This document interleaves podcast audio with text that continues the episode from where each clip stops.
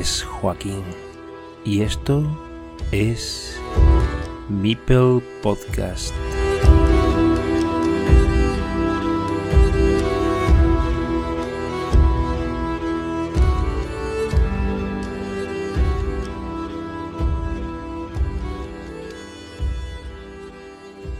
Estimados y estimadas, sed bienvenidos a Mipel Podcast. Hoy vamos a atravesar fronteras.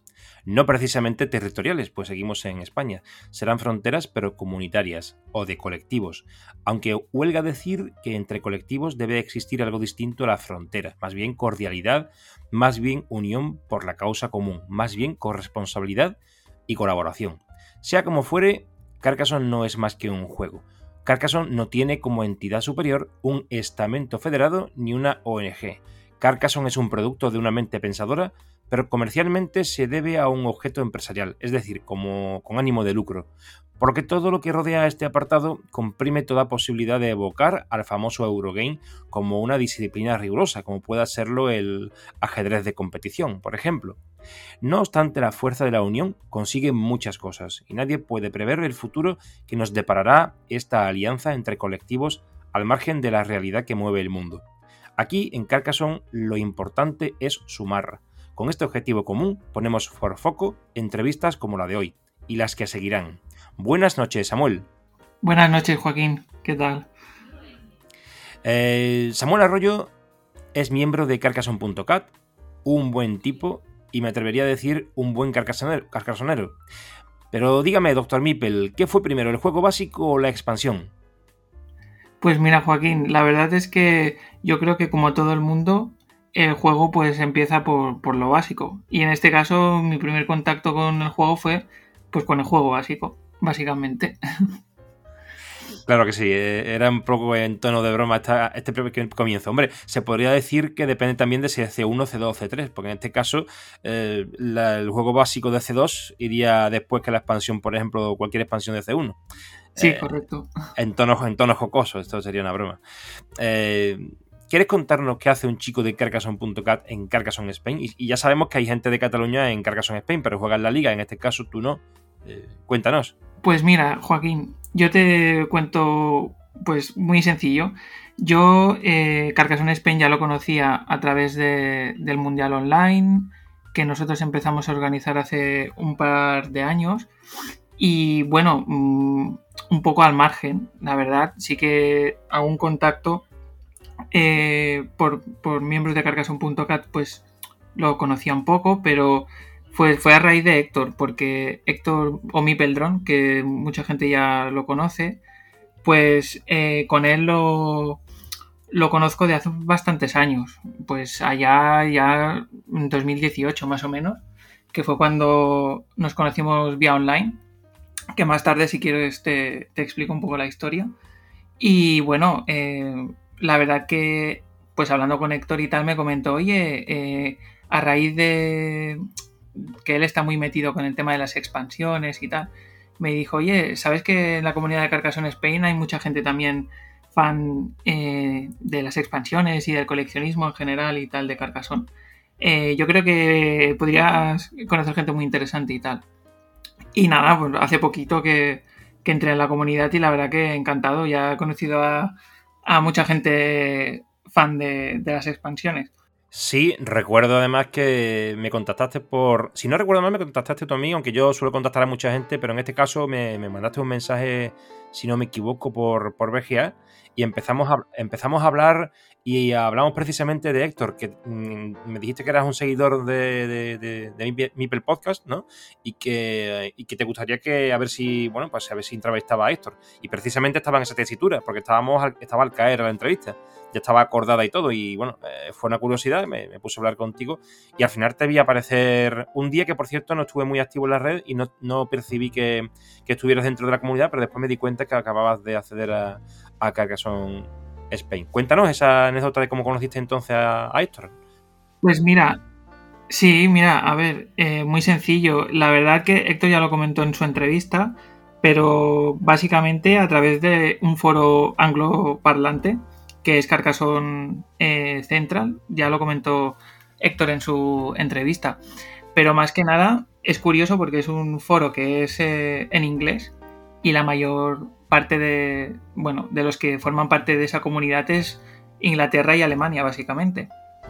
Y curiosamente lo conocí allí precisamente en 2018. Me acuerdo perfectamente que empezó a... Hay una parte del foro en la que te puedes presentar y tal. Y él entró, se presentó y rápidamente estaba metido en el ajo en un montón de cosas. Y, y claro, cuando me enteré que era de España, le dije, ostras, pues yo también. Y empezamos a hablar y tal. Y sí, sí, empezamos a, vamos, una explosión de, de, de friquismo de Carcasón, que si a mí me gusta esto, a mí me gusta lo otro. Y poco a poco fue, fue todo muy curioso porque fue a raíz de, ese foro, que, igual dirías, ostras, pues es un foro en inglés, como puedes coincidir con otra persona que sea, que sea de aquí, pero mira, eh, así es un poco, un poco la vida.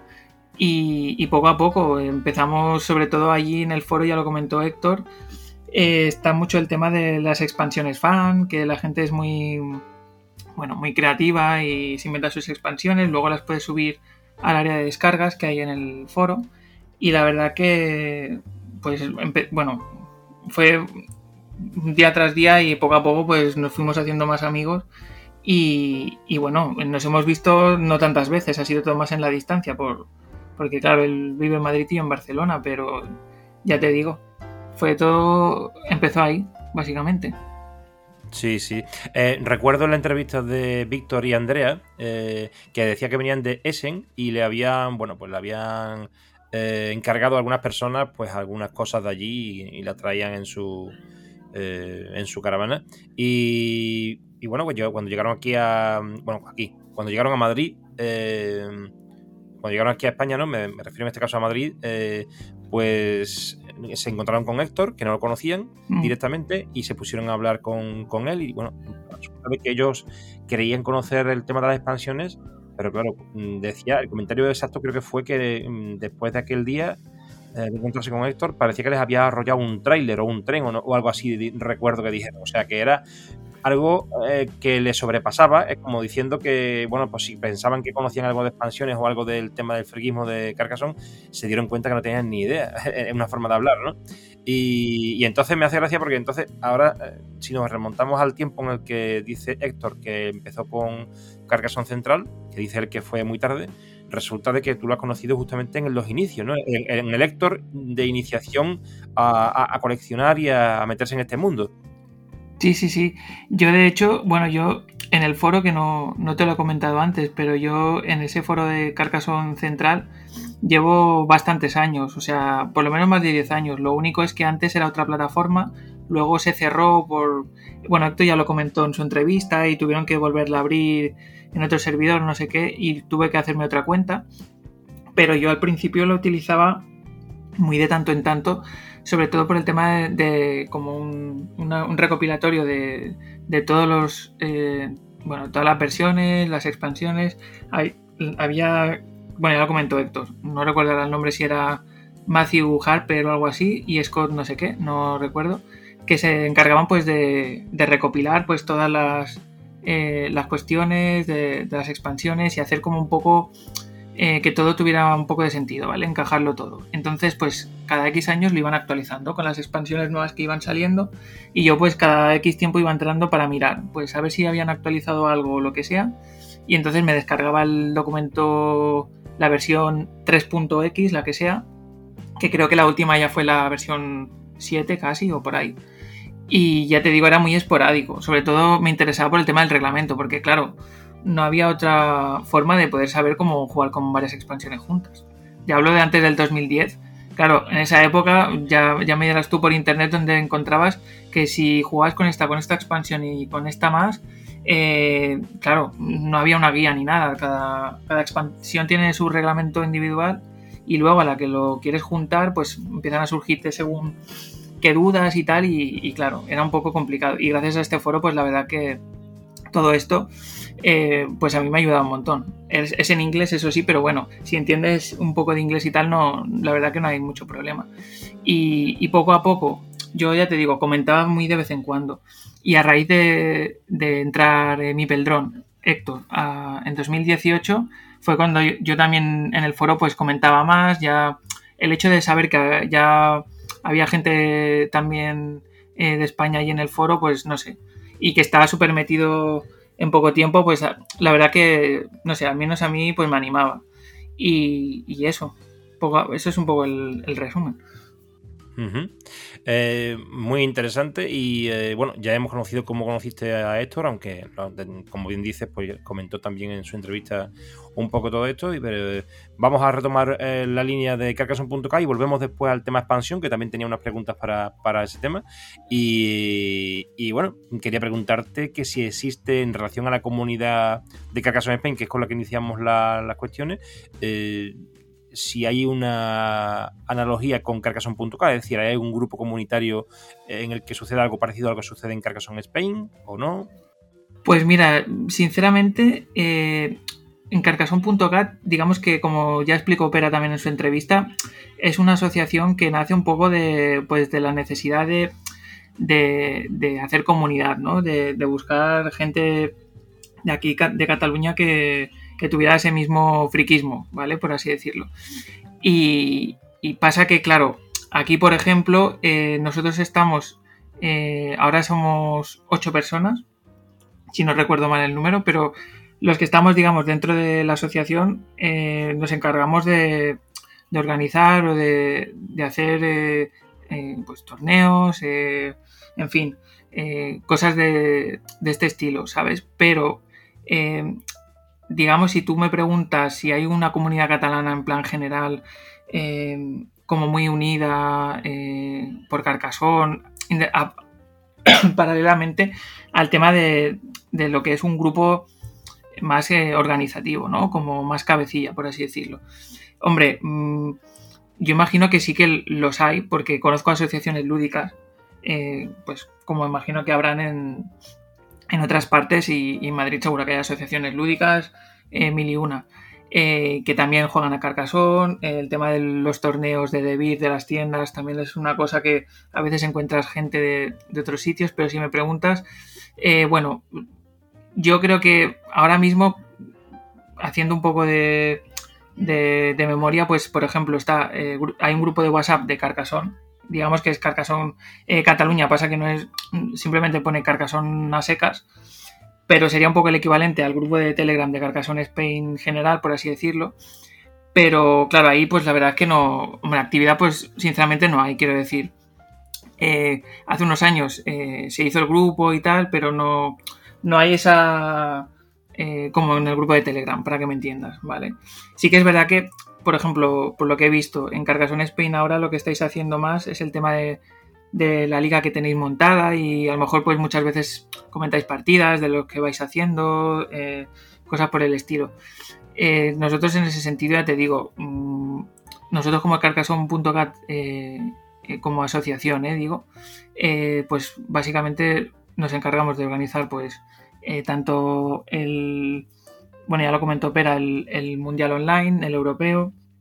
Eh, ahora hemos vuelto a retomar eh, los torneos presenciales, que ya lo comentó, eh, con el torneo este relámpago, en partidas de 5 minutos, que la verdad que fue muy, muy divertido.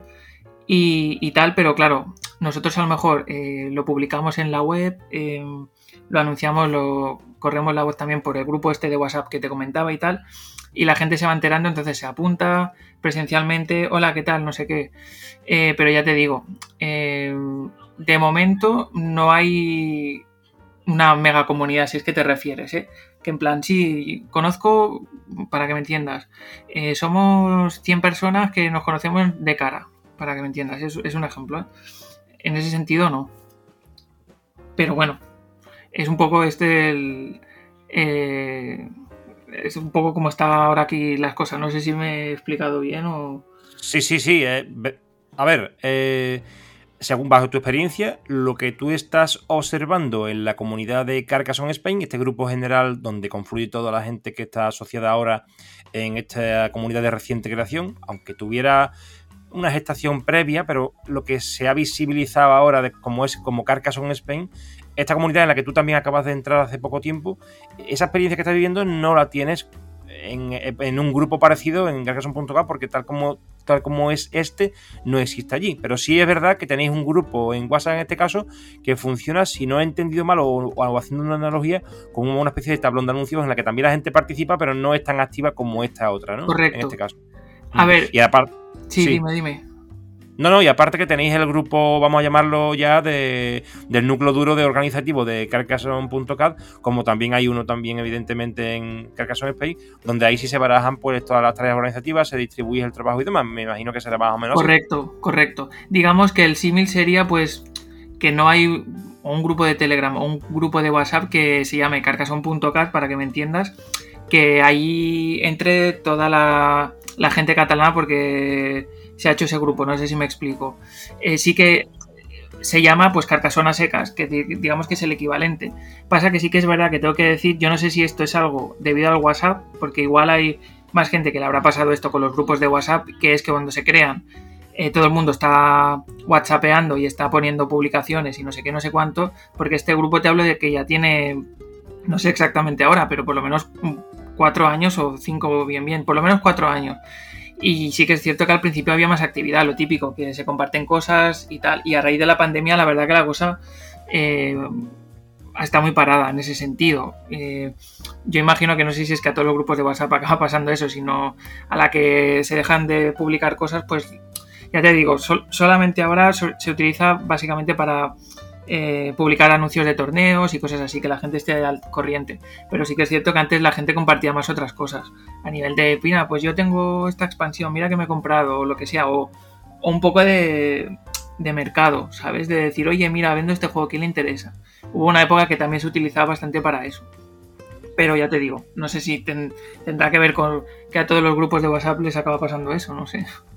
Sí, bueno, puede ser. Aquí también hay un boom ahora mismo. También es verdad que hay mucha gente. Y la actividad que hay, pues es muy variada. También hay mucha paja, porque hay mucho de cosas que se hablan y tampoco eso es muy relevante en algunas ocasiones, pero bueno, es entretenido. Pero sí es cierto que si vais 4 o 5 años, pues a lo mejor la actividad, entre que a lo mejor no hay tanta gente y que también ha pasado un tiempo, pero sí es verdad que me ha llamado la atención eso de lo de la pandemia hoy, porque, bueno, si hay una pandemia y ahora está uno más encerrado y se conecta más por internet, a lo mejor tenía que haber sido un revulsivo para que también la actividad hubiera sido mayor en ese grupo, ¿no? Pero bueno, la idea principalmente de esta pregunta era eh, que como no sabemos, yo por ejemplo, yo por lo menos no lo sé, cómo funciona en este caso y, veo un poco el tema espejo, ¿no? De, oye, lleváis muchos más años, eh, ¿en qué podemos parecernos o qué hacéis vosotros bien? No sé, estaba estableciendo una comparación y en este caso, bueno, pues no... No me ha sorprendido hoy porque ya lo hablé contigo este tema, pero claro, eso todo el mundo no lo sabe bueno, me parece una buena pregunta para ubicar un poco a la gente en lo que nosotros tenemos y lo que hay, por ejemplo, en Cargason.cap, que en muchas cosas pues nos aventajáis evidentemente por la experiencia que atesoráis alrededor de, la organización de torneos y demás. Y en base a esto te quería hacer la siguiente eh, pregunta, y es que qué bondades destacarías de la labor que realizáis en el núcleo duro de .cat, porque Claro, organizar un mundial por equipo es un trabajazo. El europeo, incluso que has comentado antes. Pero hay más cosas detrás, torneos por pareja, el campeonato catalán que da acceso a Eisen. En fin, ¿qué, destacarías tú de ese trabajo duro que realizáis y cómo distribuís? Pues mira, eh, básicamente, Pera ya lo comentó un poco. Él fue un poco el que. el que. bueno, el que ideó o movió todo. todo un poco, ¿eh? Desde. Yo recuerdo al principio. Eh, empezaré desde el principio, como no. Más que nada para situar un poco eh, pero ya lo comentó, me parece un poco en su entrevista, pero él al principio, si no recuerdo mal, eh, por Facebook, que era cuando yo tenía Facebook, eh, él hizo un grupo, no sé si él realmente, pero él era de los que lo creo, que se llamaba Carcasón Barcelona o algo así. Y, yo lo vi en Facebook y, me uní y tal, porque se ve que estaban como contactar con gente de, de la ciudad, pues que estuviera interesado también en, jugar a Carcasón, en, un poco compartir la afición. Y, recuerdo que eh, quedamos una vez que era eh, Pera con un amigo suyo que se llama Mark, que estuvo también un tiempo en carcasón.cat. Y, y, estuvimos eh, tomando unas birras, jugamos alguna partida y tal. Y, y claro, el contacto que yo tenía era Facebook. ¿Qué pasa? Que al cabo de una semana, no, sé si fue al cabo de unos meses o así, yo ya me quité Facebook porque no lo utilizaba básicamente. Pero claro, eh, como consecuencia de, quitarme Facebook, eso implicaba pues que eh, pues habían contactos o, cosas que solo eh, sin, Facebook pues no, no había manera de contactar. Pasa que claro, con las personas que yo realmente contactaba diariamente, que realmente eh, eran personas que pues que yo cada día hablaba y, tal, pues era por WhatsApp. Entonces, claro, yo Facebook no lo utilizaba prácticamente para nada. Y, entonces igual pasaría más o menos, te hablo desde que me quité Facebook, pues un año prácticamente, eh, más o menos. Y eh, al cabo de un año se organiza un torneo eh, en un, bueno, de una asociación lúdica de aquí de, de, una ciudad al lado de Barcelona. Y, hacía muchos años que quería participar en uno de estos que, que te dan plaza para el nacional y, bueno, que en esa época eran mesas a cuatro, pero bueno. Y dije, mira, pues me voy a apuntar a ver si podré ir. Y finalmente pude ir, menos mal, porque mm, entre una cosa y la otra nunca podía ir a ningún torneo. Y dio la casualidad que en ese torneo me volví a encontrar con Pera y compartimos, eh, eran, perdona que no lo había dicho bien, eran en la primera fase del torneo eran mesas a cuatro y luego ya era uno contra uno como, el, como se hacía en el Nacional Pasa que la final era, mesas a cuatro, era una mesa 4, también como las primeras ediciones del Nacional. Bueno, total, que compartimos ahí partida con Pera. Él pasó, yo me quedé atrás y recuerdo que después del torneo estuvimos hablando y tal y me dijo, ¿qué te ha pasado? Que eh, estuviste... Eh, bueno, estuvimos en Facebook, contactamos y de repente como desaparecí y tal. digo, no, es que ya no, no como me quité Facebook, pues no teníamos el número de teléfono ni nada, pues no, no pude, claro, no hubo otra manera de contactar ni nada. Y me dijo que, pues que me habló, digamos que la idea de hacer una comunidad de Carcassonne Barcelona, pues ya había derivado a lo que él tenía en mente de hacer una, como un proyecto un poco más eh, con cara y ojos, buscar gente que quisiera colaborar y de crear como un grupo que de alguna manera pues eh, hiciera más fuerza, pues sea eh, una representación de Carcassonne un poco más potente, ¿vale? Y entonces, pues había gente que ahora ya no está en, la asociación por temas personales, lo típico, que si trabajo, que si una cosa y la otra. Y, en ese momento, pues yo le comenté, digo, ah, pues me parece muy buena idea, me comentó eh, de unirme a ellos y nada, esto fue al cabo de pocos meses, al cabo de un par de meses así, porque ya te digo, a partir de ese torneo, eh, pues antes de ser nacional, eh, creo que participé en alguno más, me parece, no, recuerdo ahora exactamente. Pero vamos, que a partir de ahí la cosa fue poco a poco ir rodando y conocí a más gente que, que también estuvo metiéndose en, en Cargason.cat. Y ahora mismo, actualmente, mm, justo cuando empezó la pandemia y, tal, que ya lo comentó Pera, eh, todo lo que era presencial que habíamos hecho derivó al, Mundial Online y al Europeo. Hasta ese momento, eh, y ahora siguen en activo, han pasado muchas personas, pero hasta, hasta ahora eh, estaría Pera, que es un poco el, por así decirlo, el cabecilla visible. Y luego también hay otro cabecilla que es, bueno, invisible en el sentido que no, que la gente no, lo conoce, pero que se llama David III y David III es un poco el que el que gestiona mucha cosa que hay detrás que no que no que no es una cosa que, que se vea tanto. Pero básicamente ellos dos son un poco los que y luego hay todos eh, pues ahora mismo todos los que somos pues vamos repartiendo un poco eh, las faenas pues como como podemos y como el trabajo también nos lo permite, claro. Eh, sí, te iba a preguntar, sí, evidentemente que siempre hay alguien que se pega el curro gordo, ¿verdad? Porque claro, el trabajo debe ser compartido para que no decaiga, ¿no? Pero entiendo que siempre debe existir una cabeza visible, al menos la cara de atender al público deriva a otras personas ciertas responsabilidades a la hora de reunirse con el entorno editorial, resolver problemas asociativos. En este caso has comentado que, que sería Pere el la persona que mm. inició un poco todo esto y además es la, la cabeza visible de Carcassonne.cat.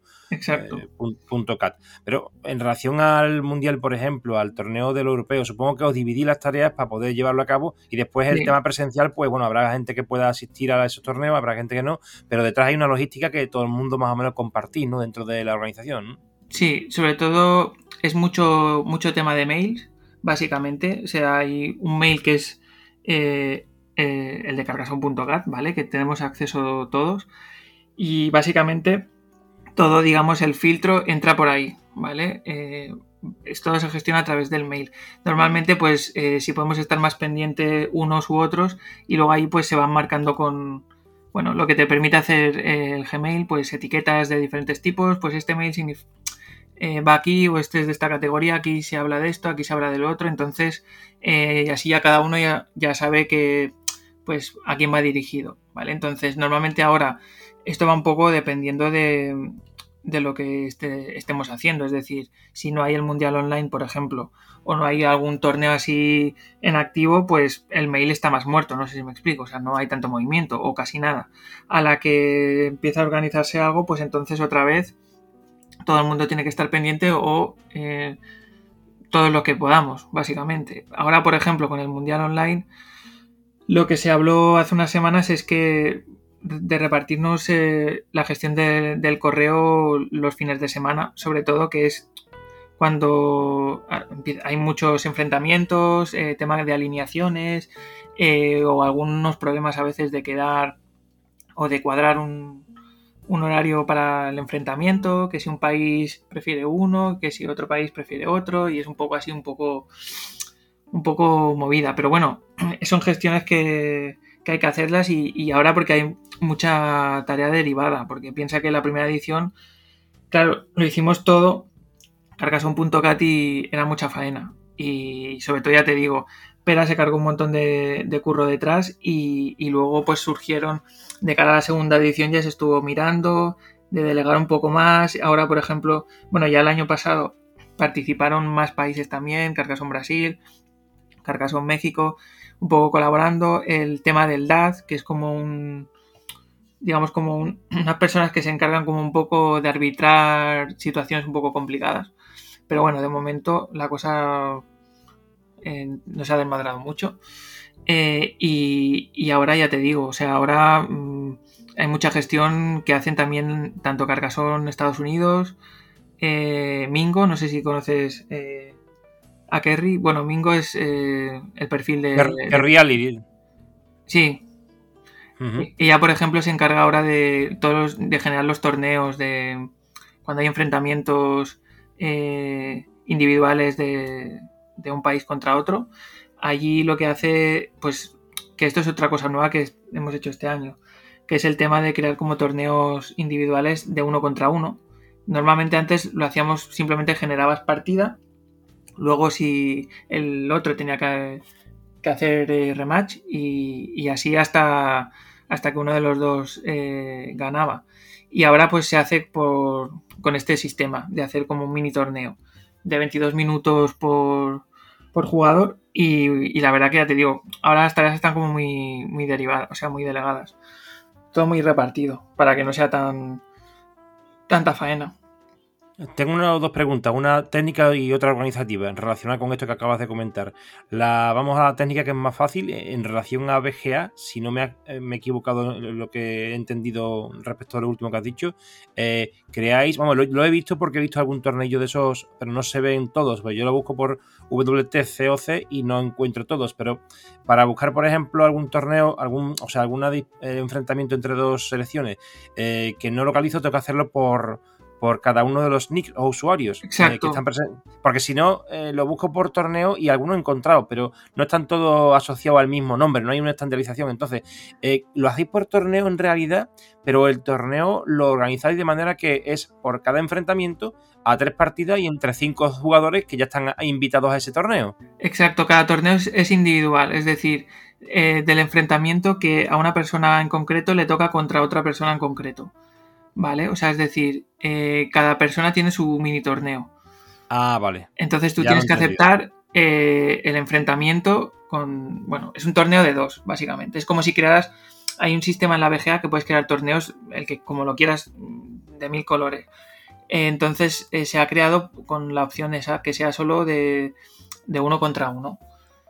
Que solo formen parte de ese torneo dos personas. Entonces, claro, si quieres ver, por ejemplo, China contra, no sé, me lo invento, Polonia, pues que en este caso pues tendrías que entrar a cada jugador y, ver sus partidas contra su contrario. Normalmente si, entras a 5 no tienes que ver los otros 5, con que entres al perfil de, de unos 5 ya ves eh, el enfrentamiento, pero tienes que ver partida por partida, tienes que entrar a los perfiles, eso es, eso es el sistema de la VGA, eso es así.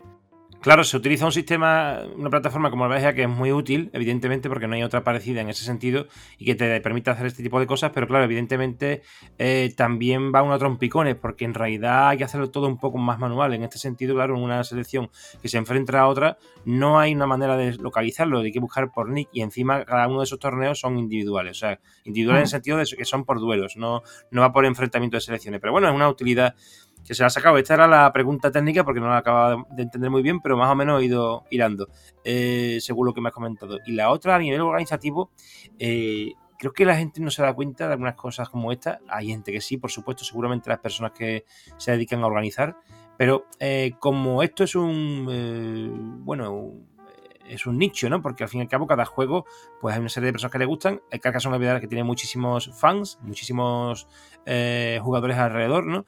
Pero sigue siendo un, juego nicho, o sea, no todo el mundo juega a Carcassonne. Y dentro de los que juegan Carcassonne no todos son tan fanáticos. Entonces, eh, quien me empieza a mover más el tema organizativo, quien se interesa por crear una selección, quien se interesa por hacer una asociación, quien se interesa por montar un mundial, eh, son jugadores que les encanta el juego, que son fanáticos, y al final cuando te encuentras metido y, embebido en este tipo de situaciones de responsabilidad que tiene, que en la que uno se, se, absorbe, ¿no? Eh, porque lo ha buscado uno mismo, entre comillas, ¿no? Eh, pues claro, te encuentras, yo me, me, pongo en vuestro pellejo y pienso, joder, los que se llevan el peso mayor ahora mismo de, estos son los de Carcassonne.cat, o por lo menos ahora que se ha derivado o se ha dividido un poco la parcela de responsabilidad, pero eh, hasta cierto punto habéis sido vosotros los encargados y estáis jugando partidas, al mismo tiempo estáis organizando, recibiendo emails, colocando clasificaciones, o sea, eh, en realidad estáis inmersos en un eh, una borricada de, trabajo que a lo mejor también os nubla un poco para lo que es el juego en sí mismo, ¿no? Porque esto es una cosa que no todo el mundo piensa, pero no es lo mismo prepararse partidas, jugando partidas tranquilamente o eh, entrenando o, viendo partidas de otras personas para prepararse que estar continuamente respondiendo correos electrónicos, eh, viendo que una, una cosa va a fallar de la página web, alguien que ha pedido que revisemos tal cosa, o sea, al final jugáis en el poco tiempo que os queda. Bueno, a ver, eh, a priori, mientras me lo estabas eh, comentando, estaba pensando que esto no te lo había comentado antes. Y es que, claro, eh, o sea, sí, pero no, es decir, o sea, los que estamos ahora, que formamos parte de, la selección actual, no todos estamos en Carcassonne.cat y los que estamos, es decir, no es que los que estamos en la selección somos los de Carcassonne.cat que hemos decidido eh, estar en la selección. O sea, es decir, nosotros lo que hemos hecho es la primera edición. Sí que es verdad que como fue un poco más eh, entre colegas, para que me entiendas, es decir, eh, Pera comentó la idea, poco a poco se fue gestando se fue comentando con otros usuarios de la VGA que se fueron apuntando y tal, y se fueron organizando por países y todo esto, pero quiero decir, eh, no había una estructura como ahora eh, tan, eh, tan definida y la primera edición fue un poco así. pero ¿qué pasa? Que luego ya se, se valoró que, pues de, de hacer como un torneo, un, bueno, como un previo para poder la gente que quisiera participar de, la selección, eh, pues fuera de, esta manera, ¿vale? Sí que es verdad que muchos eh, eh, somos de cargason.cat, pero nos hemos apuntado porque hemos querido, ¿vale? Es decir, nos apuntamos a... Ahora, este año, por ejemplo, fueron los previos, si no recuerdo mal, fueron a final de enero y febrero, que se hicieron por la BGA. no recuerdo ahora las jornadas, no sé si fueron dos o fue, como un mini torneo, ¿vale? De la gente que quería apuntarse y, y entonces pues de allí eh, los, bueno, los, eh, ocho, creo que fueron los ocho primeros o algo así, ya forman parte de, la selección. Pero allí había algunos de Carcassonne.cat y otros que no. De hecho, hay algunos que no este año no han participado. O sea, están de Carcassonne.cat, están con el Mundial y tal, pero no, no se apuntaron para jugar en la selección. No sé si me explico. Sí, sí. Pérez es uno de ellos que, por ejemplo, no... O David III, por ejemplo, que lo he comentado antes. Eh, bueno, tú eres uno de los que juega en la selección catalana. ¿Cómo veis el grupo en vuestra primera frase? Pues bueno, de momento, bien. Eh, las, partidas están siendo muy reñidas. Eh, sufriendo un poco, pero bien, de momento. tanto el, primer enfrentamiento que yo no, no participé, que fue contra República Checa, y, el, anterior enfrentamiento contra Hungría, ahí sí que participé, pero vamos, tanto la República Checa como, como con Hungría, ojo porque ahí, ahí, o sea, es decir, eh, o sea, que, bien porque conseguimos ganar, pero que, que cuando hay, hay nivel tanto por un lado como por el otro, puede pasar cualquier cosa. O sea, es decir, son partidas muy reñidas. Entonces, vamos eh, a intentar jugar pues todo lo mejor que, podemos y de momento mm, eh, estamos contentos por eso, porque independientemente de si de si perdiéramos o ganáramos, ya te digo, el, el resultado que estamos teniendo en tanto en, en juego como mentalmente y tal, muy, la verdad que muy bien. Y sobre todo también por la capitana, que no esto no, lo he comentado, que es, eh, bueno, eh, la gente la conocerá en la BGA por Pronom Fepla, que es Nuria, y, ella la verdad que súper bien, nos anima mucho y nos va, eh, bueno, lo típico que se suele hacer antes de los enfrentamientos, un poco de psicología positiva y la verdad que muy bien. Mm. Eh, muy bien, ¿y cómo ves el combinado español en este caso? Pues la verdad que muy bien también. Yo estoy siguiendo eh, algunas, algunas partidas y tal. Eh, no sabía si. Porque el domingo que me tocaba jugar, entonces no sabía si podría haber alguna partida antes, porque jugabais contra Brasil a las 6 más o menos, si no recuerdo mal. Y, y sí, sí, estuve viendo algunas todas no las viví algunas. Y la verdad que muy bien, muy bien. La verdad que eh, yo os animo a que sigáis así porque eh, si seguís así pasáis a la siguiente fase. O sea que ahora no hay que venirse a dar un paso atrás. Sí, se quedan partidos importantes. Por ejemplo, este que viene de China tiene un elo medio mayor que el nuestro, aunque bueno, ese elo es fluctuante, pero lo tomé en este caso en el primer día, cuando se hizo el sorteo, y es parejo al de, al de España. Pienso que la selección de China parece un poco tapada, pero va a ser complicado. Lo que sí es verdad que la, rival a batir, puesto que ya hemos ganado a Brasil, probablemente sea en eh, Reino Unido. Eh, una curiosidad. Ah, lo que pasa es que hay un hueso muy duro que es eh, RCP, que son los Russian Carcassonne Players, o sea, los de Rusia, que es que el grupo es muy potente, muy fuerte. Quizás incluso quitando el grupo A, donde también están Alemania y Japón, pero creo que el grupo más fuerte, sin duda alguna, es el grupo B, por la cantidad de, equipos bien compensados que, tiene. Y ojo, que eh, Letonia está bajo del todo, pero lo dije en el, episodio del sorteo, eh, que hay tres jugadores de Letonia que, fluctúan entre los 600 y los 800 puntos. O sea, si son cinco partidas, si son cinco duelos, esos tres jugadores solos por sí mismos casi se bastan para ganar eh, un enfrentamiento. Pero bueno, no, no, está siendo el caso, pero quiero decir que el grupo en sí mismo, a primera vista, es potente, el grupo B.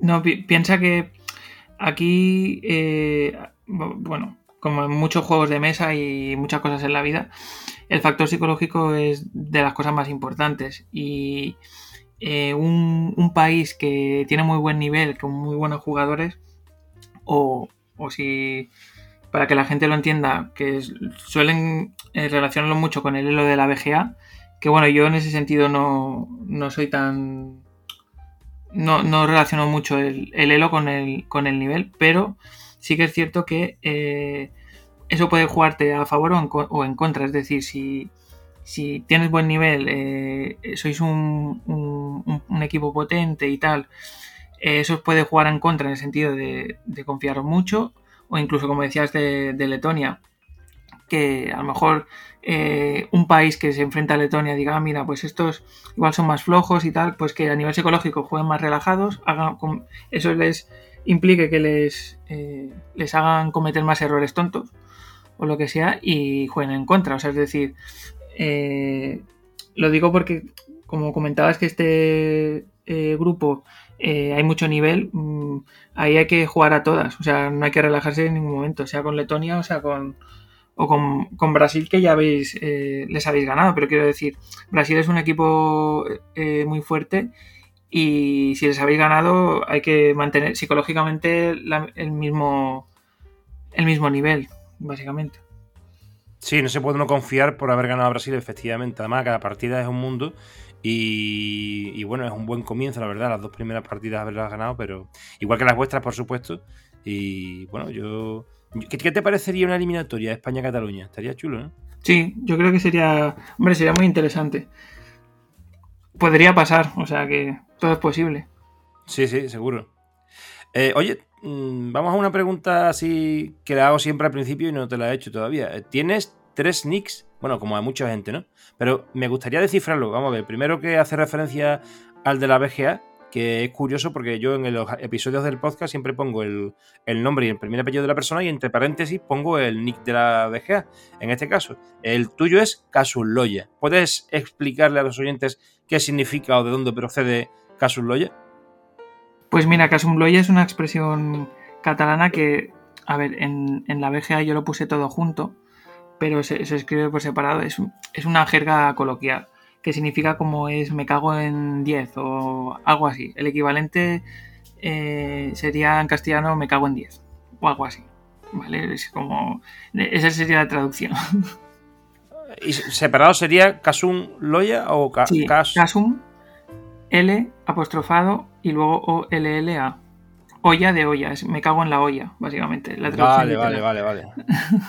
Ok, ok. Bueno, entendido, comprendido. Y bueno, y, Doctor Mipel, porque en Carcasson Central eres, eres Doctor Mipel, ¿no? Sí, correcto. Pues mira, eso básicamente es por mi profesión.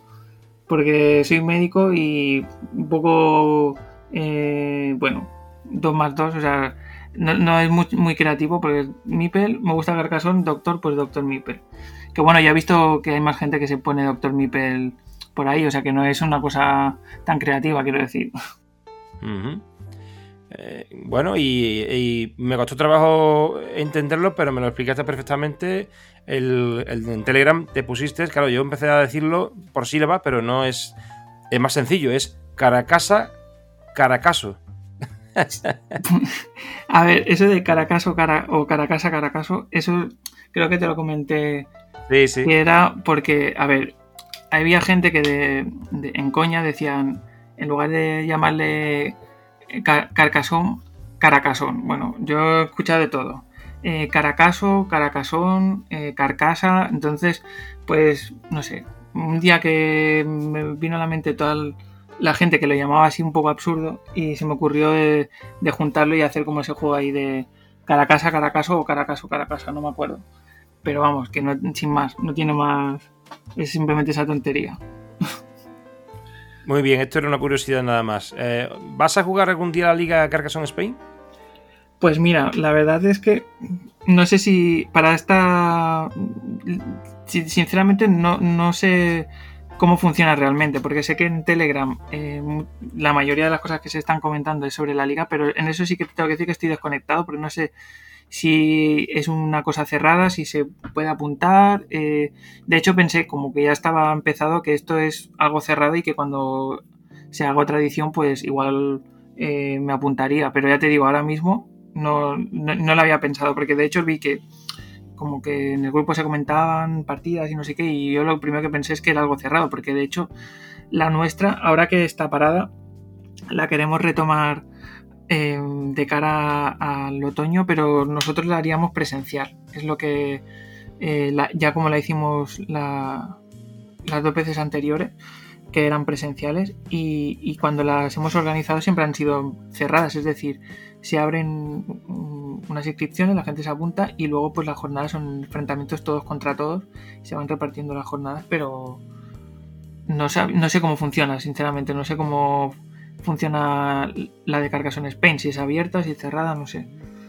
Sí, es abierta y el, eh, la forma de entenderlo es que eh, si ves el grupo de Carcassonne Spain, eh, que tiene ochenta y pico de, miembros ahora mismo, hay un grupo de la liga Carcassonne Spain y que tiene, ronda alrededor de los cuarenta y pico, 50 miembros, si no me equivoco, que son los participantes de la liga. Pero no todos los participantes de la liga, o sea, no todos los miembros de ese grupo de Telegram relacionado con la liga están en Carcassonne Spain. Significa esto que a la liga se puede acceder sin tener que pertenecer a la comunidad. Pero la liga eh, Carcassonne Spain, y ya existe aquí un acuerdo también con Carcassonne.k, y creo que se debe de limar esa circunstancia, que creo que ya eh, existe ese, ese tema, ¿no? Existe una incompatibilidad porque la liga da acceso también a la selección y también existe el acceso al nacional. Una incompatibilidad de, que ya está establecida, por cierto, por, por Hansing Gluck en el caso del individual y a nivel de colectivos está, está acordado para que no se participe con acceso al tema de las elecciones, no se puede mm, utilizar las, las dos vías. O sea, no puedes intentar clasificarte para la selección, en este caso hablamos de Cataluña y España, por ejemplo, para la selección catalana, y la vía de optar para la selección española, ¿no? En este caso, o eh, la vía de entrar en el nacional que vas a Madrid para ir a Essen, o a la vía vuestra que sería la del campeón catalán para ir a Essen. O sea, en este caso, quien juega o quien participa en la liga, eh, entiendo que la intención es, a través del individual, acceder a Essen y ahí se inhibe de la selección española.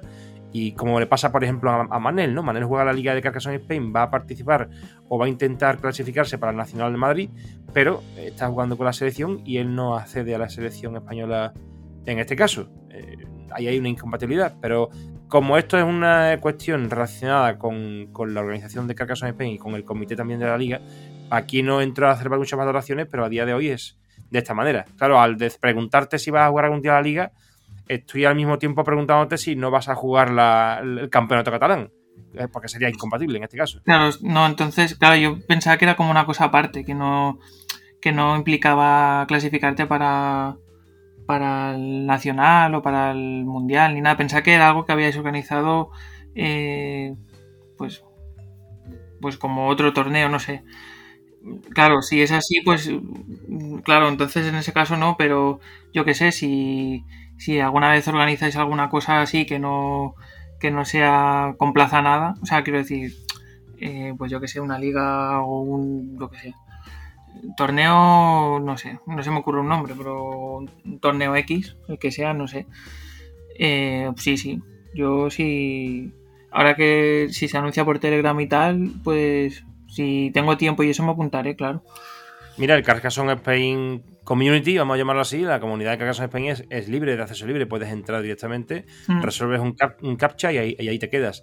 Eh, la Liga Carcassonne Spain, en la segunda edición que va a tener a partir de septiembre, eh, voy a hablar sin saber de todos los, temas que, hay que saber para hablar de ello, ¿no? Pero entiendo que como ese da acceso a la selección para el europeo, o, creo que es esta la que se está jugando, pues ahora ya no lo sé. Pero en cualquier caso, inhibiéndose de la selección, porque tú vas a pertenecer a la selección catalana, creo que como la próxima edición no va a dar plazas para Nacional, sino que es la siguiente, la de comienzos del año que viene, pues entiendo que no, hay incompatibilidad en este caso. El problema es que no sé si jugarlas si, inhibiéndose de esas plazas eh, sirve para acceder a la Liga Carcassonne Spain. Ya lo desconozco. Esto es una cosa que tenga que establecer como criterio también de acceso, eh, en, este caso el comité de la, liga.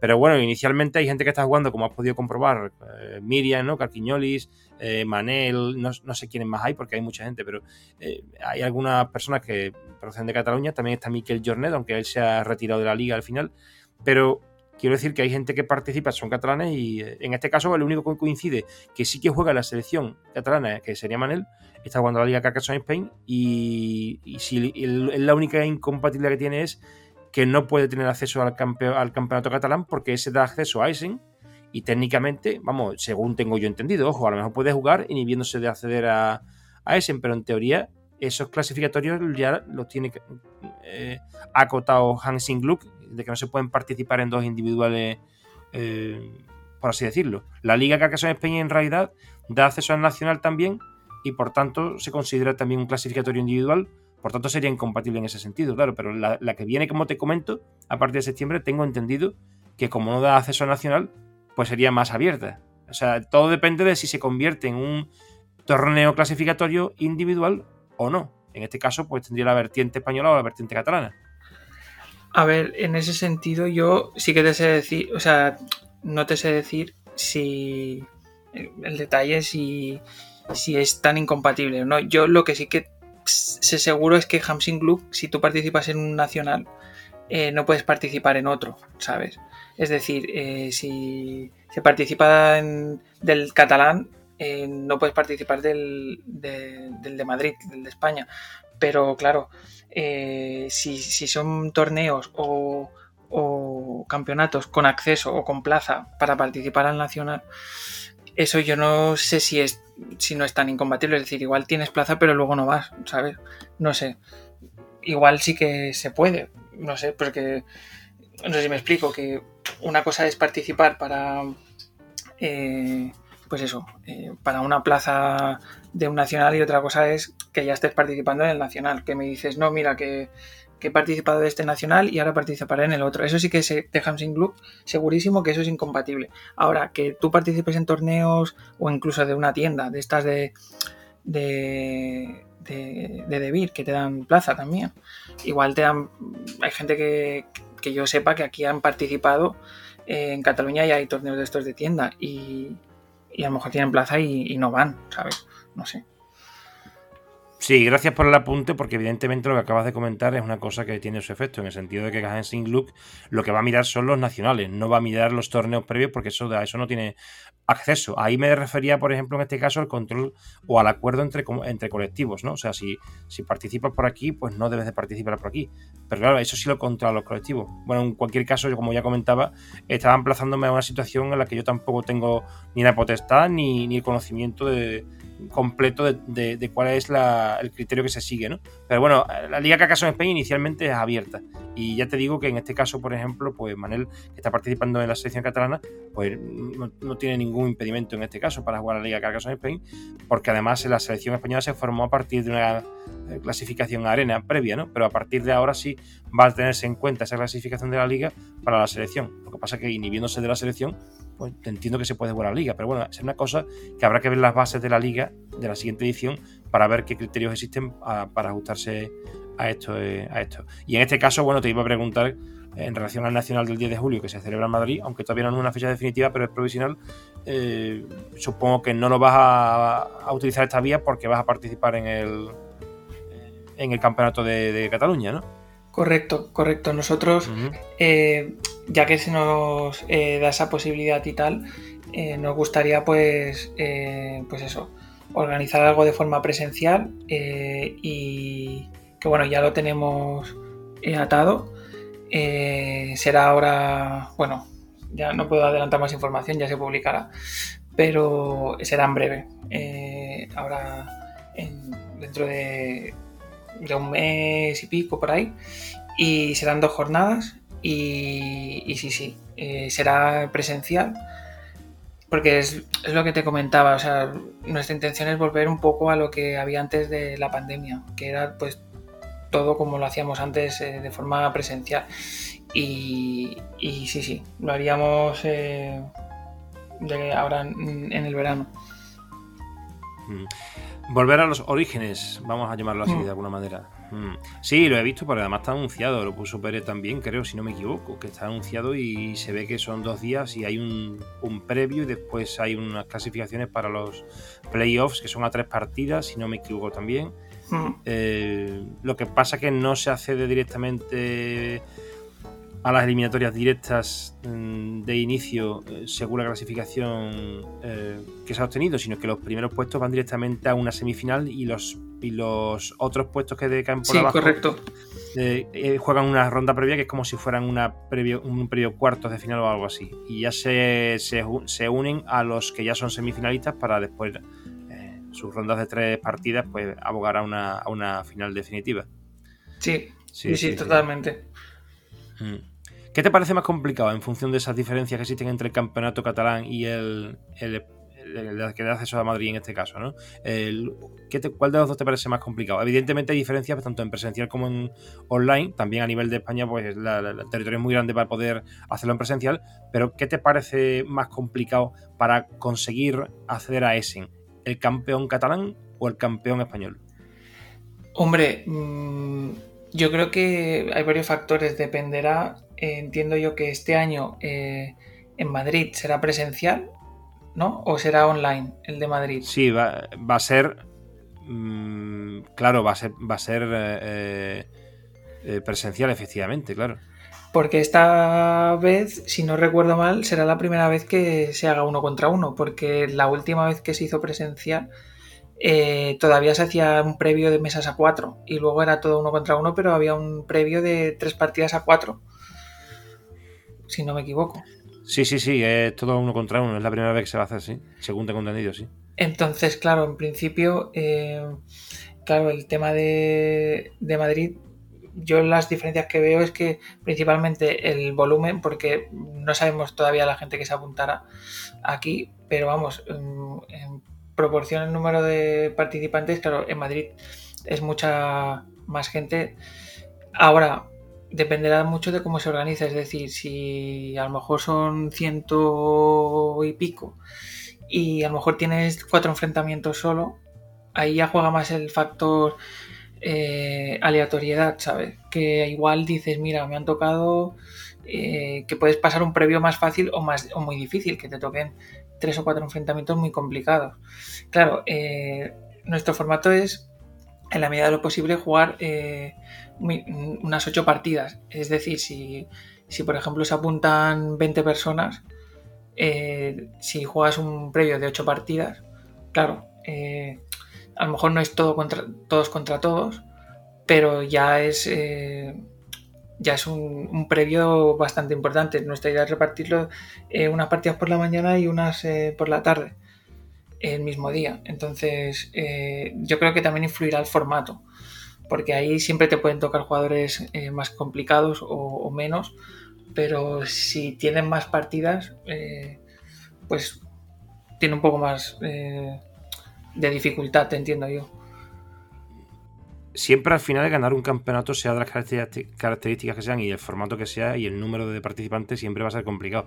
Pero claro, entiendo que el campeonato catalán es un campeonato abierto para que participe toda la gente que quiera y el de Madrid en este caso se sigue una línea que aunque en otras ocasiones haya habido invitaciones y tal, pero la realidad es que en teoría hay que clasificarse para acceder al nacional. O sea que eh, de un grueso de, cientos de personas aparecen allí 60, 80 o 100, que se supone que se supone ¿eh? que deberían de ser las mejores. El campeonato catalán, eh, sin quitarle mérito evidentemente, pero es como si se quieren apuntar al de Madrid 100 personas y se inscriben. Evidentemente hay quien gana el campeonato y se sabe que el campeonato catalán va a haber gente muy potente para jugar, o sea, no, es moco de pavo. Pero a priori tú le das más peso probablemente no al hecho de que haya buenos eh, jugadores o, peores, sino más al formato en este caso, eh, con más peso que, a la participación, porque al final el grueso de 10 o 20 jugadores buenos te va a inhibir de poder conseguir esa plaza para ese, tanto en un lado como en otro. Pero, pero hay más handicap en el formato que en la presencia de buenos jugadores en uno o en otro torneo.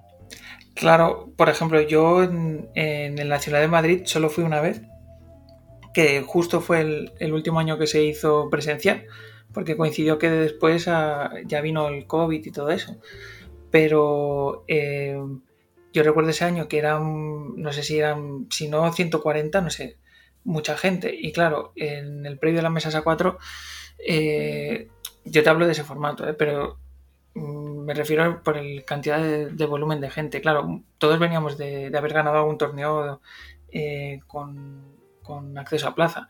Claro, mm, en esa época, no sé ahora cómo estarán haciéndose, pero eh, me consta que en, algunos, en algunas tiendas parece que les cuesta todavía el tema del uno contra uno, que siguen con las mesas a cuatro, pero en esa época, ya te digo, había muchas tiendas que eran mesas a cuatro eh, y claro, ahí te puedes encontrar de todo. Luego en, el Nacional, claro, los que nos conocíamos y tal, que sabíamos que íbamos a ir y tal, era muy difícil coincidir. A lo mejor eh, luego ya en, la siguiente fase, pues en el uno contra uno, pues es más fácil, ¿no? Porque hacían eh, de ciento y pico pasaban 16. Pero eh, era más difícil coincidir, o sea, incluso con mesas a cuatro. Eh, entonces, claro, ahora sí, no sé cómo lo hará de no sé cómo, qué formato hará, si seguirán siendo pocas partidas o si seguirán siendo, no sé, no, no, lo sé. Entiendo que serán, que serán, pues, no sé, si son ciento y pico, imagino que seguirán un poco el formato mundial, que en el mundial son cinco enfrentamientos, creo, ¿no? Antes de, pasar a la siguiente a la siguiente fase. Creo que sí, va por ahí, por ahí, pero no estoy muy, eh, muy puesto en cómo se iban a, hacer exactamente. Creo que sí, que hay cuatro o cinco enfrentamientos en un preliminar y después pasan a, a mesas de, de uno. Sigue siendo mesas de uno, quiero decir. Bueno, no, sí, Sí, no, no, hay un preliminar de uno contra uno, pero después se pasa directamente a las eliminatorias, efectivamente. Pero yo creo que las eliminatorias son a una partida nada más, por el grueso de jugadores que, participan, si no me equivoco. Mm. Pasa igual que en ese, en este caso. Y bueno, no, te sé decir, ya te digo, yo eh, mm, creo que en mi caso, te tengo que decir que, hombre, mm, el formato es una cosa que, más que el formato, la cantidad de enfrentamientos creo que es una cosa también a tener en cuenta, pero evidentemente nosotros lo, estamos haciendo abierto porque es la segunda vez que lo hacemos y, todavía queda mucho recorrido para que la gente lo conozca, se apunte y todo. De momento acabamos de empezar como aquel que dice. Oye, ahora que se me ha ocurrido, el, acceso a Essen, eh, es decir, el campeón catalán eh, quien organiza no es Debir en este caso, es que como se hace el de Madrid, sino que quien organiza en este caso es Carcassonne.cat, ¿no? Correcto. Sí que es verdad que eh, esto se ha hablado con Debir y Debir nos, nos dijo que lo organizáramos nosotros, que nos encargáramos nosotros, pero luego en cuestión de, por lo que se habló es que después eh, quien gane, igual que en Madrid, lo que es el viaje y tal, lo queda cubierto en principio. Eh, joder, para tener un grueso de personas eh, relativamente mm, pequeño, vamos a llamarlo así, eh, tenéis muchísima fuerza, me cago en 10. Pues enhorabuena. quería preguntarte ahora, vamos a ver dónde está la preguntita que tenía aquí apuntada. Ah, bien, porque vamos a retomar un poco el tema de expansión, ¿vale? ¿Eres solo fan por el juego o entras en ese terreno más sobre un espectro coleccionista como por ejemplo Mipeldron o Héctor, ¿no? O Willen y su Museo de Carcassonne. Es decir, yo sé que tienes todas las expansiones de C1, si no me equivoco, tienes todo el juego completo, pero ¿eres más fan por el juego o te gusta también el tema coleccionista? Bueno, es un poco las dos cosas, es decir, el tema del coleccionismo viene ligado al juego, es decir, eh, yo empecé con, con el básico mm, hace 20 años prácticamente, cuando, cuando salió, y desde entonces pues poco a poco, eh, como me gustaba el juego y me enteré que iban saliendo expansiones y tal, en esa época eh, tenía que ser en tienda física, porque, o al menos yo no tenía internet. Y bueno, sí, los locutores en las bibliotecas, pero. Y, nada, pues poco a poco iba eh, comprándome expansiones y, cuando me enteré que, que, que, cada X tiempo iban sacando, iban sacando, esto era como, por un lado, me gustaba porque decía, ostras, pues esto amplía el juego por aquí, por allá. Pero por otro lado era como un plan, vale, mm, esto no sé si es que no va a tener fin o al final se va a crear aquí, eh, no sé, una lista inmensa de, expansiones que no sé al final por dónde se van a coger. Y yo diría un poco que sería como un, término que, bueno, estaría más cerca de, de Héctor, de mi Peldron, que de William, ¿eh? porque William ya es otra cosa. Yo sobre todo lo que tengo más es de C1 y alguna cosa distinta, alguna cosa rara, pero no es que tenga 50.000 copias de lo mismo y cosas así. Pero bueno. Sí, lo de William es una pasada, o sea, yo no sé ese hombre, en fin, es una cosa aparte. Sí, sí. Eh, eh, bien, bueno, ¿qué expansiones te llaman más la atención? pues mira, lo que te gusta más de... Bueno, mm, de las que más me gustan, a mí me gusta mucho la, Princesa y el Dragón, que es una expansión que a mucha gente igual no le acaba de, convencer por el tema del dragón y, que es un poco... Pueden pensar que es un poco suerte y tal. Pero bueno, es un poco como, como cuando juegas al básico, ¿no? Que la gente al principio que juega al básico dice, esto es una tontería, esto vas cogiendo los setas y las vas poniendo como caigan y poco más. Y luego cuando te paras un poco y te das cuenta que pues que hay más, que no es eh, simplemente poner y, punto, eh, te das cuenta que ahí hay una estrategia, que hay eh, ciertos elementos que no que se te habían escapado. Con las expansiones pasa lo mismo. mucha gente que no se adentra y tal, ya piensan que yo qué sé, eh, cosas por el estilo. Es un poco como la, misma mentalidad, porque a la que te paras a analizar las expansiones eh, y un poco cómo funciona y tal, evidentemente cada expansión tiene su, estrategia, no, son todas iguales. Pero digamos que siguen el mismo patrón, es decir, como el básico. Te tienes que saber las losetas, te tienes que saber el reglamento eh, y qué estrategias tienes que seguir, porque cada expansión es distinta. Entonces, eso también te abre más abanicos de de más posibilidades. Y la princesa y el dragón, pues te, da una estrategia al juego que no es eh, la típica de, digamos, de si estás acostumbrado a jugar solo con el básico. Entonces, igual eso hay gente que, igual no le gusta. Es decir, mira, a mí me gusta el básico, eh, son pocas losetas. Eh, estas son las estrategias que hay que seguir y ya está. Luego, si me cambias esa estrategia o me cambias el número de losetas, ya no me gusta. Bueno, para gustos hay colores había expansiones que me gustan menos también. Sí, por ejemplo la catapulta. Esa a todo el mundo no le gusta, yo creo. Bueno, hay gente que me comentó alguna vez que sí, que, le hacía gracia, pero yo es que no, no puedo. Yo la tengo por, coleccionismo, pero no, no es un... no, lo siento, pero no. claro, te pasa igual que a mí, porque eso no es estratégico, eso es tirar mi pelado tomar por saco, eso no, no, no, tiene nada de estratégico. Y, y, de hecho, comentándote el tema de la estrategia y saberte las losetas, claro, aquí aunque te sepas las losetas es lo que te digo, el reglamento que tiene mm, es que no hay, dependes mucho de, los mecanismos, es de tipo push and luck, de estos tipos de juegos que dices, a ver, eh, a ver qué sale, Entonces ahí estrategia cero, entonces ahí ya es que se, se desmarca de lo que es Carcassonne, básicamente, para mí, ¿eh? pero bueno. Efectivamente, efectivamente, has dado, con la clave. Cuando yo me quejo de la catapulta no es porque no me guste la catapulta en sí, o el juego, o la caja, o, por tema de coleccionismo. O porque me quede sin la expansión 7 en medio de otro montón de expansiones que pueda tener. El problema de la catapulta es que eh, se sale de la estrategia y de la táctica. Eso no es táctica ni es estrategia. Eso es un palo, montas un MIPEL, lo, lo lanzas, tomas por saco y si lo coges, en fin, ¿para qué lo voy a contar? Si es que eh, es un, un desastre de, inclusión. Está bien que la hayan descatalogado, coño. Si lo he dicho ya en otras entrevistas. En cualquier caso, eh, estoy contigo con lo de la, eh, la, princesa y el dragón, que más bien debería llamarse el Hadi y el dragón, como dicen por ahí. Pero bueno, eh, la gente se le escapa, y a mí también, hasta que lo descubrí, que el dragón no solamente sirve para eliminar a un Mipel del contrario, sirve para recuperar los tuyos.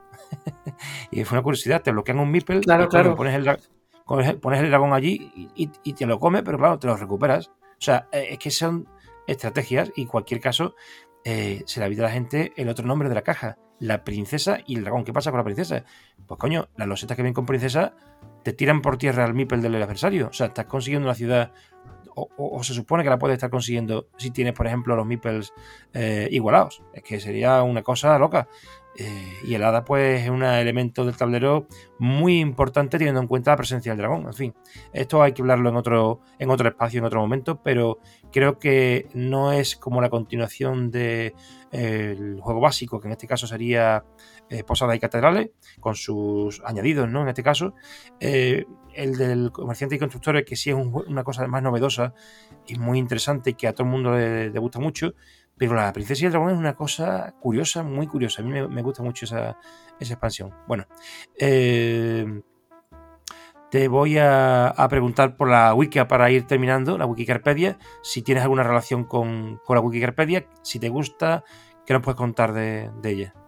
Pues mira, el tema de la, de Wicca, pues todo viene relacionado con, Héctor y es que al poco de entrar en, Carcassonne Central me comentó del proyecto y tal.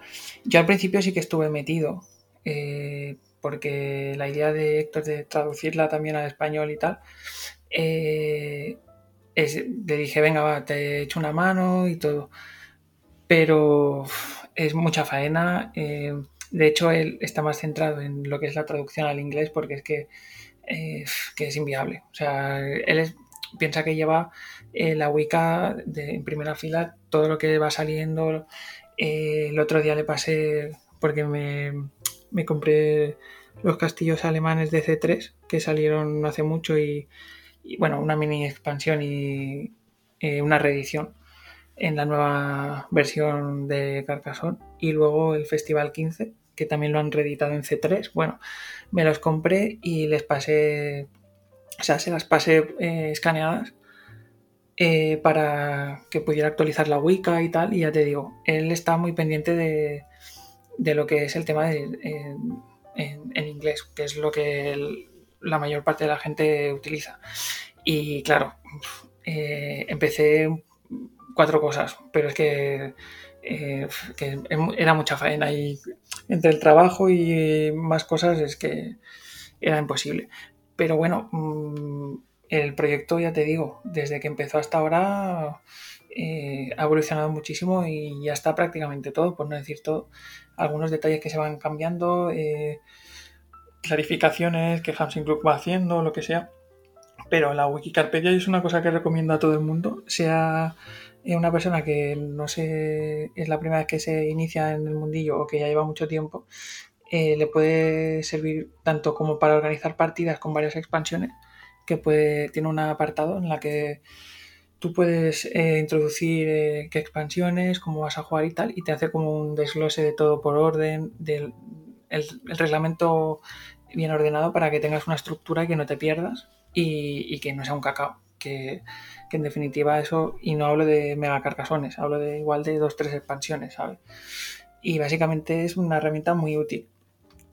Tanto eso como el foro que el foro es una carcasón central es si quieres enterarte de todas las novedades que vayan saliendo o, cualquier cosa eh, el foro eh, en habla inglesa porque luego está Carcassonne Forum que es alemán pero no es no tiene tanto movimiento Carcassonne central también es vamos yo mm, ya habéis visto que, que Héctor eh, que es de Madrid está hay mucha gente también metida que es más casual pero que también es de, por aquí. O sea que es un, son dos sitios que, vamos, que cualquiera, o sea, cualquier amante de Cargasón está obligado a, consultarlo. Yo creo. Bueno, te voy a corregir una cosa. Eh, Héctor no es madrileño, vive en Madrid, pero es malagueño. Ah, sí, cierto, es verdad que es andaluz. por el acento, sí. Bueno, yo me refería porque vive. Porque vive hay, hay tantos cántabros, coño, y, también hay algunas personas de Valencia que cada vez que se habla de esta zona de aquí, pues parece que no tenemos a nadie, pero en realidad aquí habemos tres en Sevilla eh, y creo que también está Héctor, que es verdad que vive en Madrid, pero es de Málaga, y bueno, no sé si hay alguien más. Bueno, se puede considerar que está entre Madrid y, Málaga, aunque lleva viviendo mucho tiempo en Madrid. Eh, te voy a, antes de empezar con las preguntas cortas típicas de Mipel Podcast, te voy a voy a hacer tres cosas. La primera, eh, darte una ventana abierta de que también comentes alguna cosa que se te haya quedado en el tintero, alguna cosa que tú querías hablar y a lo mejor no te he preguntado, eh, o un momento que tú tienes pues, para hacer alguna disquisición, alguna divagación, lo que tú quieras. Te dejo este momento por si te falta algo por decir aquí en mi podcast. Bueno, eh, en primer lugar, igual es un poco típico, pero mandar un saludo a todos eh, los miembros de Carcassonne.cat desde aquí. Eh, bueno, espero no dejarme a, ninguno. Eh, Pera, David III, Daniel Angelach, Nuria Casanovas, Santi y creo que me dejaré me dejaré alguno porque soy un poco despistado, pero... Carolina. ¿Qué? Carolina. No, no, no. Ah, y Dani García pasa que hace poco que, ya no está, pero bueno, eh, también lo, lo, incluyo. Pero Caroline no es de cartacargason.cat, Caroline o Caroline. No, su hermano. Su hermano. Pasa que hace poquito que, ya no, pero vamos, que, sí, que. Ah, vale. Pues yo coño, pues yo juraría que la había visto en el. No sé, en algún sitio. Sí, sí, no, es que hace, Esto es de hace poco, ¿eh? No es de, no es de hace mucho. Claro, como decía, si te, te, olvidaba, pues se me ha ocurrido decirte Caroline, Caroline por, porque recordaba que haberlo visto en el listado de vuestro de. No sé si fue en la web o en la selección, o no recuerdo dónde, pero vamos, que te lo he dicho por, decirlo, pues se me ha ocurrido. Sí, sí, no, ella, ella ahora está en, en, la selección y bueno, ha participado en muchos torneos presenciales también. Claro, en la selección estaba eso, te, te digo que la había visto en algún sitio.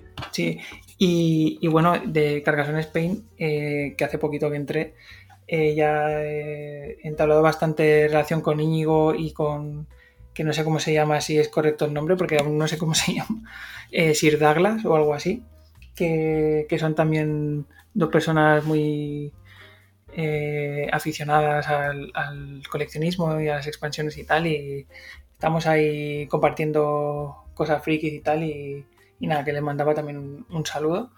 Y, de cosas que, quería comentar y tal, bueno, me hubiera gustado hablar de expansiones, pero bueno, yo creo que eso ya sería para otro, para otro, para otro momento, porque el tema de las expansiones yo creo que es demasiado amplio. Y, creo que, que ya está, me parece. Yo diría que sí. Vale, pues Voy a por la segunda. Eh, te quiero invitar a esa mesa de debate que vamos a hacer, eh, que inicialmente ya tiene cuatro personas, pero vamos a ir rotándolos probablemente porque creo que se va a ir sumando más gente. Haré un grupo de Telegram con esas personas para ir concertando las mesas de debate y en ese sentido pues que sirva para animarnos a toda la gente que le gusta las expansiones, pero también para iniciar a aquella gente que a lo mejor pues no tiene un interés eh, inicial en ello, en ello pero puede que le guste, porque hay gente que inicialmente no conoce bien las expansiones, pero bueno, porque no se ha acercado mucho a ellas, no le gusta además que el juego competitivo, el juego básico, pero poco a poco, si se hace, si se hace de la manera correcta, eh, se puede introducir un poco a la gente y ahí, bueno, quien quiera engancharse al carro, pues yo creo que es bienvenido, ¿no? Así que te invito a participar de esas mesas y bueno, en cualquier caso tendremos que ir quedando poco a poco para ir invitando a una serie de personas que conozcan estos temas y puedan ir exponiéndolos en una, como digo, en una mesa de debate que va a ser, desde mi punto de vista, una de las cosas más interesantes de Mipel Podcast que está por venir. ¿Te apuntas al reto? Sí, sí, yo encantado. Y... Muy bien, pues no por la. Sí, sí, dime, Joaquín, perdone, que me acabo de acordar, me dejaba alguien.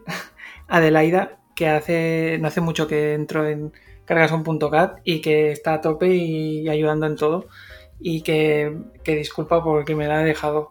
Ahora no, me venía a la cabeza. Y ya está. Nada. Este espacio para todo el mundo que viene aquí a entrevistarse, eh, lo tenéis abierto y podéis decir lo que queráis cuando queráis. Eh, y la, tercera cosa, antes de las preguntas cortas, como te decía, eh, te dejo en instancia un poco a lo que se ha hecho en las últimas entrevistas, pues que me hagas una pregunta a mí si tienes alguna pregunta que hacerme. Si te gustaría saber algo de mí o, de, o relacionado con el juego de Carcassonne, pero respecto del entrevistador en este caso. Pues yo te preguntaría si la nueva edición o la venta aniversario o la, o la edición estándar nueva que ha salido, eh, si... ¿Qué, ¿Qué, opinión tienes? Si ¿Te parece, te gusta más que, la de C2 o te da un poco igual?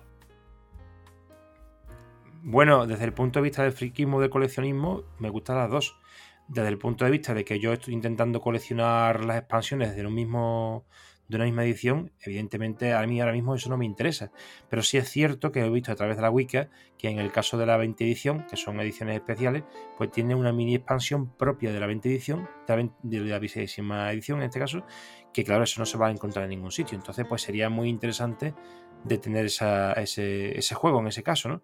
El nuevo DC3, bueno, pues que como me resulta que la apariencia visual o la estética o eh, la ilustración que se utiliza ¿no? Eh, eh, se parece mucho al DC2 o se parece más por lo menos que al DC1, o sea, entre C2 y C3 hay más similitud que entre C1 con ninguna otra porque no la tiene, o sea, C1 y C1, pues claro, entiendo que a lo mejor es menos importante esta última que ha salido, aunque la caja es muy bonita y todo eso, pero es menos importante porque supongo que si uno quiere coleccionar las expansiones, pues bueno, puede empezar con C2 o con C3 incluso, con la que viene, porque se podría unir, se podría anexionar con la con el juego básico de, de C2, no sé. No sé cómo tú lo ves esto, pero en este caso, si tengo que elegir entre el 20 aniversario y C3, el juego básico, elegiría la, vigésima edición por el motivo de la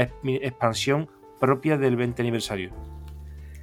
Bueno, piensa que de C3, si quieres hacerte con las expansiones y todo lo que vaya saliendo, lo irán editando eh, poco a poco. O sea que en cuestión de un par de años así ya estará todo a la venta.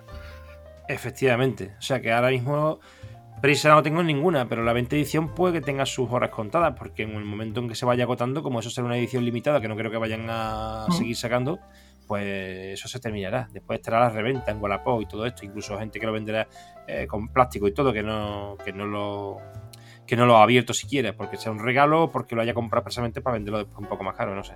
Pero bueno, mi opción sería esa, 20 aniversario. Si, ante esa tesis tú, 20 aniversario. Muy bien. Eh, bueno, Samuel, vamos a las preguntas cortas. ¿Tu loseta favorita? Pues mira, mi loseta favorita. Eh, mm, yo te diría. La, es una loseta que es de la expansión de la abadía y el alcalde. Que es una loseta que tiene, es un cruce de caminos, pero no es una T normal. Igual que hay la T normal, de, digamos, que la gente conoce por el, por el básico, que es un, cruce de, tres eh, caminos pues el mismo, pero no es un cruce, es un camino único. Lo que pasa que en el centro tiene un pozo y, alrededor, digamos que el camino lo rodea y se divide en tres. O sea, digamos que el cruce no es un cruce, sino que es un camino único que, va a tres. a tres. o sea, a tres direcciones. Sí, lo que significa que no tiene dos extremos que cerrar, sino que tiene tres, tres extremos que cerrar. Exacto, o sea, si tú la depende de dónde la coloques, o unes caminos o, amplías camino. O sea, pero nunca, se, eh, digamos, separas. No sé, me, gusta esa loseta. Sí, sí, sí, sí. sí.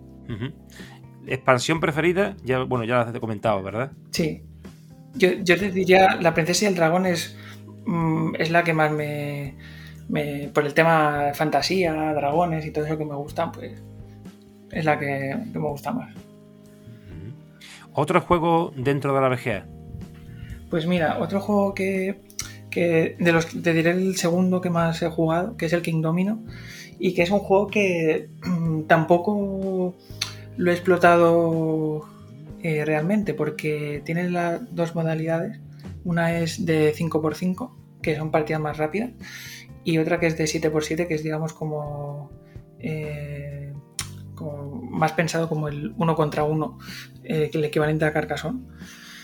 Y, ya te digo, normalmente he jugado muchas partidas y la mayoría han sido de 5x5 para pasar el rato, porque igual en 5 minutos has jugado y a lo mejor si tienes un tiempo muerto, pues me voy a echar un King Domino 5x5 eh, y enseguida acabas. Eh, para esas partidas va bien, pero claro, em, me gustaría poder eh, analizar más el juego de 7x7, más a fondo y tal pero bueno, mm, es un juego que he jugado bastante. Bueno, ahora hace tiempo que no, pero es del, el segundo que más he jugado. Eh, ¿Otro juego fuera de la VGA? Pues mira, otro juego que está muy bien y que eh, no está en la VGA, pero bueno, igual ahora estoy diciendo, estoy metiendo la pata, pero yo creo que no está. Y es Cíclades, que es un juego eh, de Bruno Cazala, es un autor, eh, vamos, y, con su compañero de, de aventuras, el Ludovic, que ellos, bueno, es un tándem que hace, hacen todo lo que sacan son juegazos, y si no son juegazos, a lo mejor son eh, más familiares o party games o tal, pero se, digamos que no sé si es que uno lo ejecuta, otro lo piensa, no sé, pero trabajan muy bien juntos y Ciclades es una mezcla de. tiene un poco de todo. Tiene una parte un poco de subasta, de. un poco de, miniaturas, pero sigue siendo un, euro. O sea, no sé, está muy bien ese juego. Si no has jugado, te lo recomiendo. Muy bien, Ciclades, lo apunto. eh, ¿has visitado la ciudad de Carcassonne? Pues eh, no. La tienes más cerca que ninguno, ¿eh? Sí, eh, mira, eh, justo antes de la pandemia, mira, esto lo estoy hablando con Héctor, porque se hablaba de que igual íbamos a ir a jugar el, el- Bueno, esto aquí, esto te hablo antes de, la pandemia y tal. Eh, aquí los de Carcassonne.cat eh, comentábamos de, oye, ¿y si vamos a, jugar a, la ciudad de Carcassonne? Que se ve que el Nacional de Francia lo hacían allí. Y por el friquismo de estar en Carcassonne y todo eso, de jugar allí, eh, porque se ve que eh, se podía participar y no sé qué. Pero al final no sé qué pasó, que no. Creo que fue por la pandemia, no, no, al final se canceló, no recuerdo qué pasó, que al final no, no, se- no pudo ser. Y se lo comenté a Héctor, que estuvimos a punto. Yo creo que, que si se hubiera hecho, yo hubiera ido también, ¿eh? Ojo. Una excursión, una excursión de Car- Car- Carcassonne.cat a, a Carcassonne. Pero lo tengo, tengo pendiente, lo tengo pendiente. Con la pandemia paró, pero sí, me gustaría, me gustaría verla. Muy bien. Eh, bueno, Samuel, pues ha sido todo por, por esta vez. Te deseo toda la suerte del mundo como jugador individual, la selección catalana, aquí en Carcassonne Spain si te mueve a jugar la liga en próximas ediciones y en la vida en general. Muchas gracias a ti. Bueno, pues te espero próximamente en la mesa de debate, ya te, te avisaré. Y bueno, pues eh, hasta otra. Hasta otra, Joaquín. Y esto ha sido todo, os esperamos en el próximo episodio de Mipel Podcast.